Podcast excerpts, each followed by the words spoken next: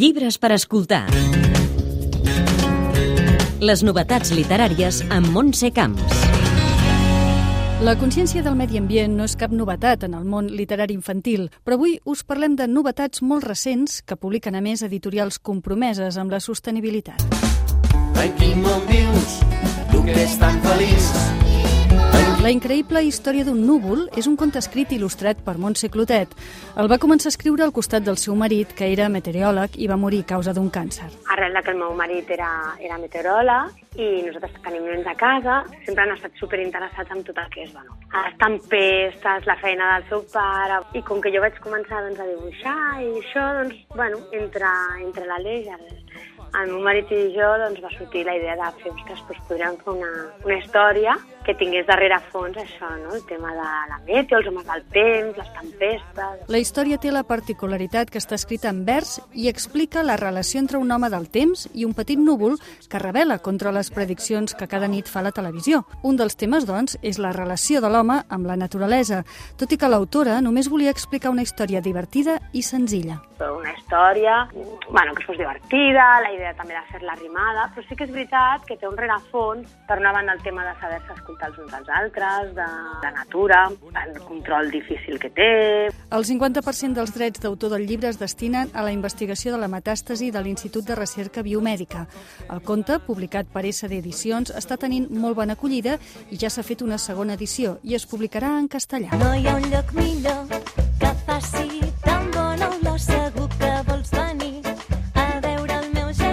Lota la catxalota és la història d'una balena que un bon dia decideix investigar d'on ve tota la brutícia que arriba a casa seva, al mar, i després d'una llarga recerca amb dos amics, un cranc i un corp marí, descobreixen la causa, l'espècie humana. Al costat d'una nena decideixen netejar el mar, un llibre sobre l'impacte dels residus en el medi ambient que vol empoderar els nens. Alba Ginesta és una de les autores. Sobretot volem que els nens vegin que ells també poden fer coses en el seu entorn i que ells també poden ser actius i participar en totes les decisions que els envolten. És una mica empoderar-los i que ells també puguin prendre iniciatives i que els adults realment també hem d'aprendre molt dels nens i de la seva mirada envers el món. Aquest conte és molt especial perquè no s'ha fet a dues mans, sinó amb 26, perquè l'han fet conjuntament el col·lectiu Rosa Sardina, format per 12 dones artistes que han treballat conjuntes a partir de la tècnica del collage. Totes les il·lustracions s'han pintat, retallat i enganxat a mà. Rosa Rimbau va ser qui va fer el text final a partir de la idea del col·lectiu. El conte el publica l'editorial Takatuka, que és molt curosa amb el que publica tant a nivell d'il·lustracions com de contingut, amb obres que transmeten valors. Un dels temes és el de la natura. Patrick de San Pedro és l'editor.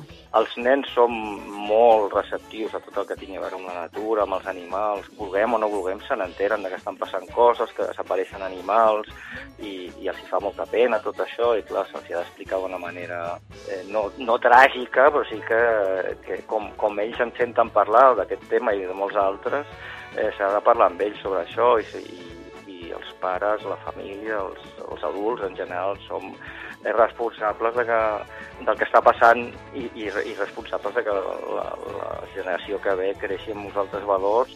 Paf, era un drac màgic que vivia... I per acabar, dues novetats més.